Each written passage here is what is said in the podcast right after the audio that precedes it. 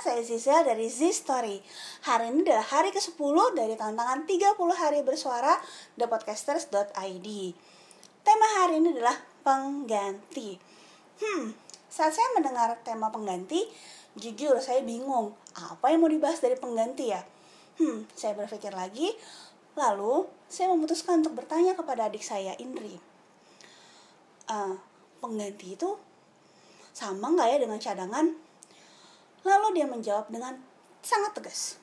Ya beda lah, masa sama? Ya, oke, okay, dia agak sewot sepertinya ya. Lalu saya, oke, okay, baik, pengganti tidak sama ya dengan cadangan. Karena cadangan itu memang lebih ke persiapan untuk menjadi pengganti. Ini saya meyakinkan diri saya sendiri dan meyakinkan kalian yang mungkin sama dengan saya masih ragu, hmm, pengganti sama nggak ya dengan cadangan? Beda ya, daripada kalian disewotin juga seperti saya, jadi saya memberikan kalian sebuah nasihat. Oke, okay, nah untuk pengganti sendiri, sebenarnya pengganti itu saya sempat merasa pengganti itu tuh adalah suatu hmm, apa ya temporary solution, adalah sebuah solusi jangka pendek.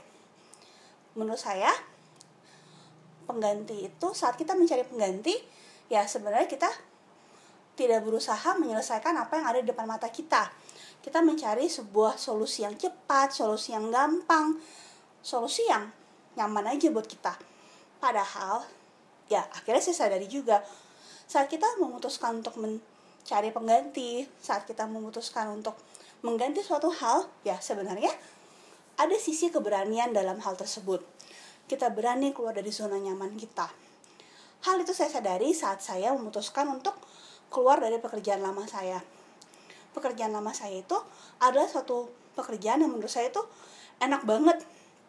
Suasana kerjanya nyaman, jam kerjanya enak, gajinya oke, okay, timnya oke. Okay.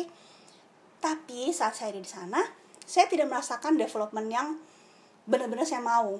Bukan berarti saya tidak didukung ya untuk mengembangkan diri saya. Saya sangat berkembang dalam bentuk fisik maksudnya.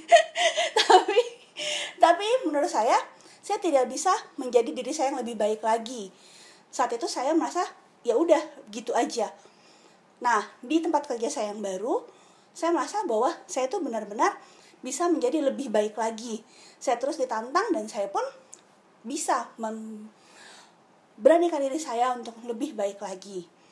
Itu sih. Jadi saya ngerasa kalau misalnya mencari pengganti bukan berarti kita menyerah. Bukan berarti juga kita ya udah gitu kita mencari solusi yang gampang. Kadang malah pengganti itu adalah sebuah solusi yang sulit.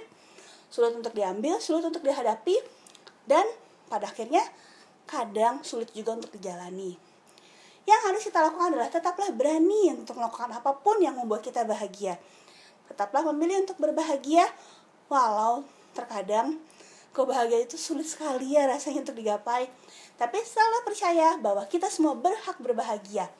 Dan berbahagia itu bisa dimulai dari diri kita sendiri. Kok jadi kayak iklan ya?